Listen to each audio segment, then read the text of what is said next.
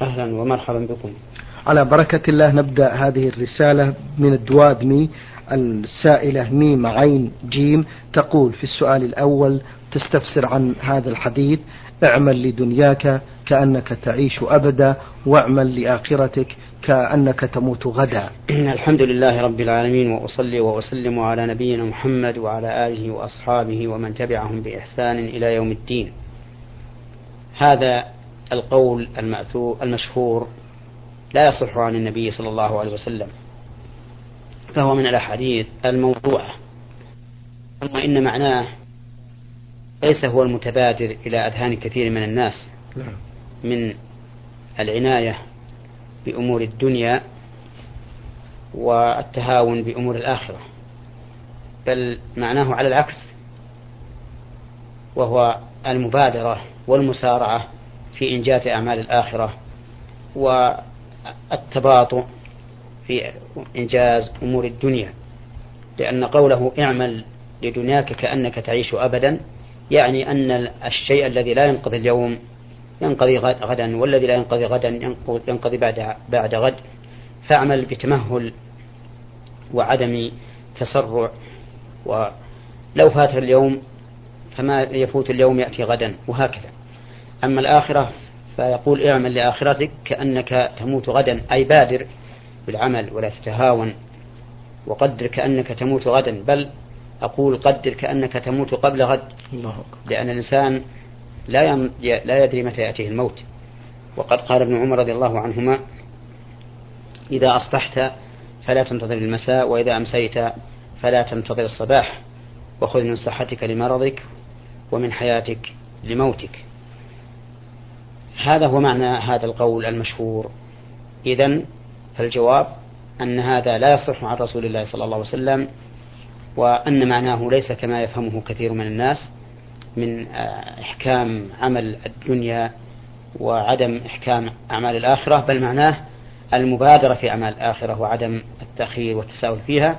وأما أعمال الدنيا فالأمر فيها واسع ما لا ينقضي اليوم ينقضي غدا وهكذا. بارك الله فيكم. تسأل عن آية كريمة. أعوذ بالله من الشيطان الرجيم.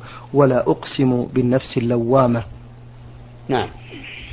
هذا هذه الجملة قسم معطوف على جملة سابقة. هي قسم أيضا. لا أقسم بيوم القيامة ولا أقسم بالنفس اللوامة. ومعنى الآية أن الله تعالى يقسم بالنفس اللوامة وهي النفس التي تلوم الإنسان على فعل الخير وهذه هي النفس الأمارة بالسوء. أو تلوم الإنسان على فعل الشر وهي النفس المطمئنة.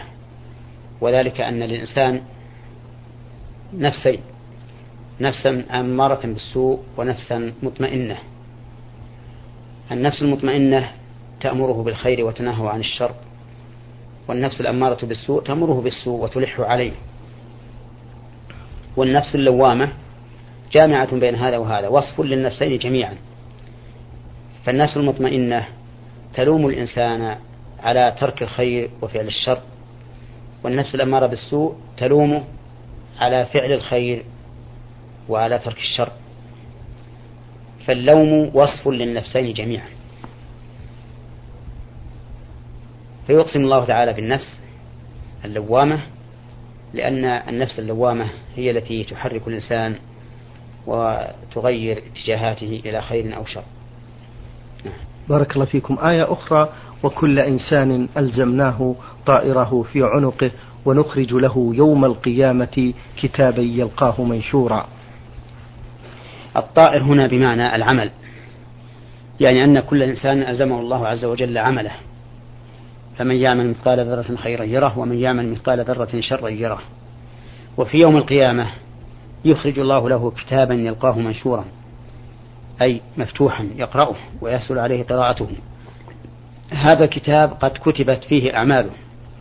كما قال تعالى كلا بل تكذبون بيوم الدين وإن عليكم لحافظين كراما كاتبين يعلمون ما تفعلون. وقال تعالى أم يحسبون أن لا نسمع سرهم ونجواهم بلى ورسلنا لديهم يكتبون. فهذا المكتوب يخرج يوم القيامة في كتاب. يقرأه الإنسان ويقال له اقرأ كتابك كفى بنفسك اليوم عليك حسيبا. قال بعض السلف والله لقد انصفك من جعلك حسيبا على نفسك. يعني أنه يقال للإنسان هذا كتاب كتب عليك حاسب نفسك أنت. هل عملت خيرا فتجازى به أو عملت شرا فتجازى به؟ إذا المراد بالطائر هو العمل. بارك الله فيكم. تستشيركم فضيلة الشيخ محمد بالكتب التالية مروج الذهب للمسعودي. نعم. مروج الذهب المسعودي كغيره من كتب التاريخ. نعم. يكون فيها الضعيف والصحيح ويحتاج إلى أن يحترز الإنسان منه فيما إذا ورد على على سمعه أو على بصره ما يستنكر فإنه يجب عليه أن يتوقف فيه. ويبحث عنه ويحققه. نعم. طيب الحصن الحصين يوسف البدري. لا لم أقرأ فيه شيئا. المأثورات والدعاء المستجاب. كتاب الدعاء المستجاب فيه أشياء بدعية لا صحة لها. فلا أشير أن يقرأه إلا شخص طالب علم يعرف ما فيه من البدع حتى يتجنبها. طيب. وفيها أشياء مفيدة. نعم. مأثورات فضيلة الشيخ ما قرأتها ما قرأت. العواصم من القواصم أبو بكر العربي. نعم. العواصم من القواصم أبو بكر العربي. نعم. هذا كتاب جيد, جيد. ينبغي للإنسان قراءته. نعم. الشيخ محمد هناك الكثير من بعض الإخوة لا يفرق بين ابن عربي وابن العربي. نعم. على كل حال يجب أن نعم. يجب أن يفرق نعم. لأن ابن عربي معروف. نعم. بأنه بأن له شطحات نعم. تصل إلى حد الكفر والعياذ نعم. بالله. وابن العربي من علماء المالكية طيب. ومن أهل السنة فيما نعلم فرق بين الرجلين فرق بينهما كما بين المشرق والمغرب أو بين السماء والأرض. طيب. نعم. تقول المستمعة إذا أحرمت المرأة للعمرة ثم أتتها العادة الشهرية قبل الطواف وبقيت في مكة ثم طهرت وأرادت أن تغتسل فهل تغتسل من مكة أم أم تذهب لتغتسل من التنعيم؟ إذا أحرمت المرأة بالعمرة وأتاها الحيض نعم. أو أحرمت بالعمرة وهي حائض فعلا ثم طهرت فإنها تغتسل في مكان إقامتها في بيتها ثم تذهب وتطوف وتسعى وتخلص وتقضي عمرة وتؤدي عمرتها ولا حاجة إلى أن تخرج إلى التنعيم ولا إلى الميقات لأنها قد أحرمت من الميقات. لكن بعض النساء إذا مرت بالميقات وهي حائض وهي تريد العمرة لا تحرم. وتدخل مكة وإذا طهرت خرجت إلى التنعيم فأحرمت منه وهذا خطأ. لأن الواجب على كل من مر بالميقات وهو يريد العمرة أو الحج أن يحرم منه حتى المرأة الحائض تحرم وتبقى على إحرامها حتى تطهر. ويشكل على النساء في هذه المسألة أنهن يظنن أن المرأة إذا أحرمت بثوب لا تغيره وهذا خطأ لأن المرأة في الإحرام ليس لها لباس معين كالرجل الرجل لا يلبس القميص نعم. والبرانس السراويل والعمائم والخفاف والمرأة يحل لها ذلك تلبس ما شاءت من الثياب فإذا أحرمت بثوب وغيرت إلى ثوب آخر فلا حرج. لذلك نقول للمرأة أحرمي إذا مررت بالميقات وأنت تريدين العمرة أو الحج وإذا طهرت طهرت فاغتسلي ثم اذهبي إلى الطواف والسعي والتقصير. وتغيير الثياب لا يضر ولا أثر له في هذا في هذا الأمر أبدا. نعم. بارك الله فيكم.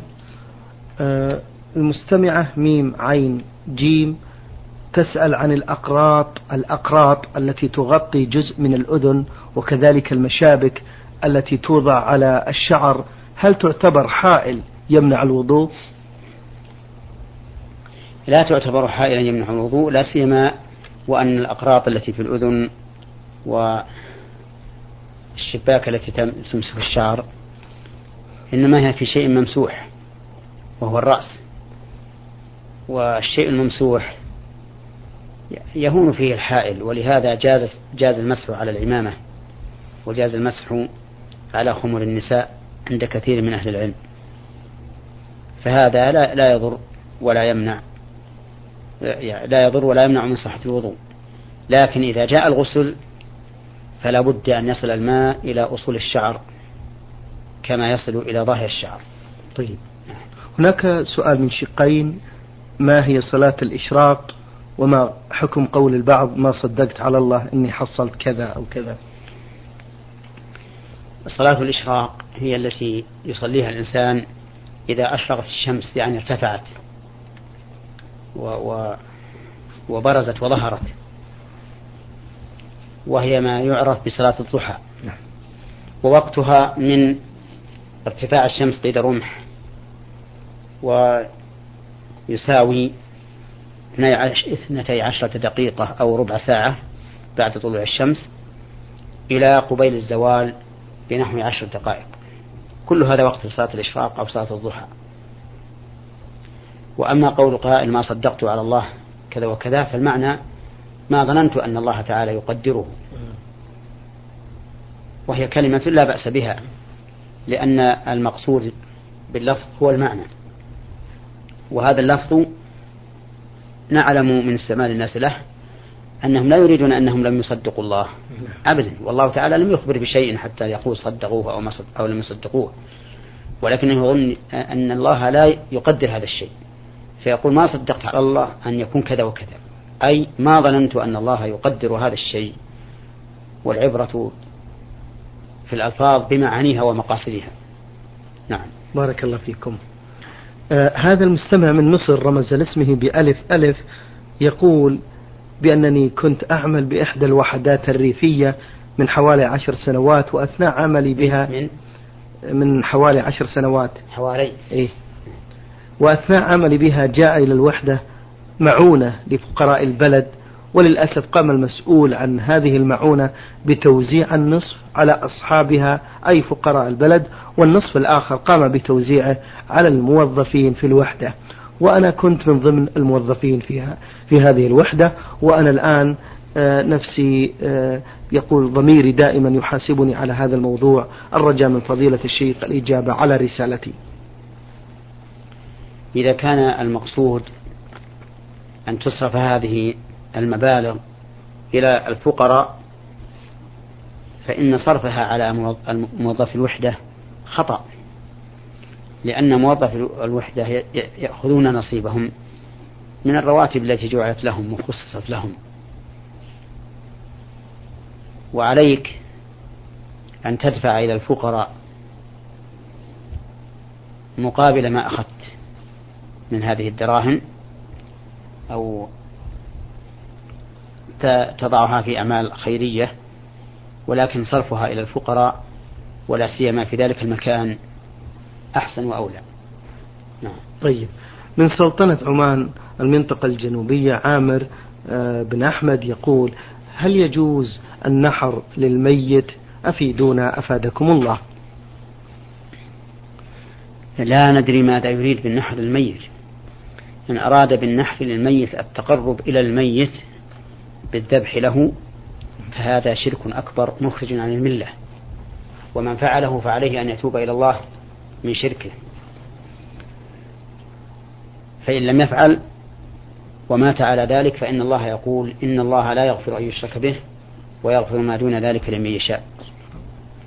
وأما إن أراد بالنحر للميت أنه يذبح شاة ليتصدق بلحمها عن الميت فهذا جائز. لأن الصدقة عن الميت باللحم أو بطعام آخر أو بالدراهم جائزة. فينظر في مراد السائل هل أراد النحل للميت تقربا إليه وتعظيما له؟ فهذا من الشرك الذي لا يغفره الله إلا بتوبة.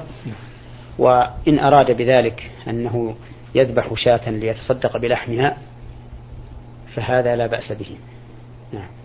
يقول المستمع من سلطنة عمان في سؤاله الثاني والأخير هل يجوز أن يسلم أو يصافح الرجل المرأة الأجنبية علما بأن الخاطر أو القلب ما فيه قصد؟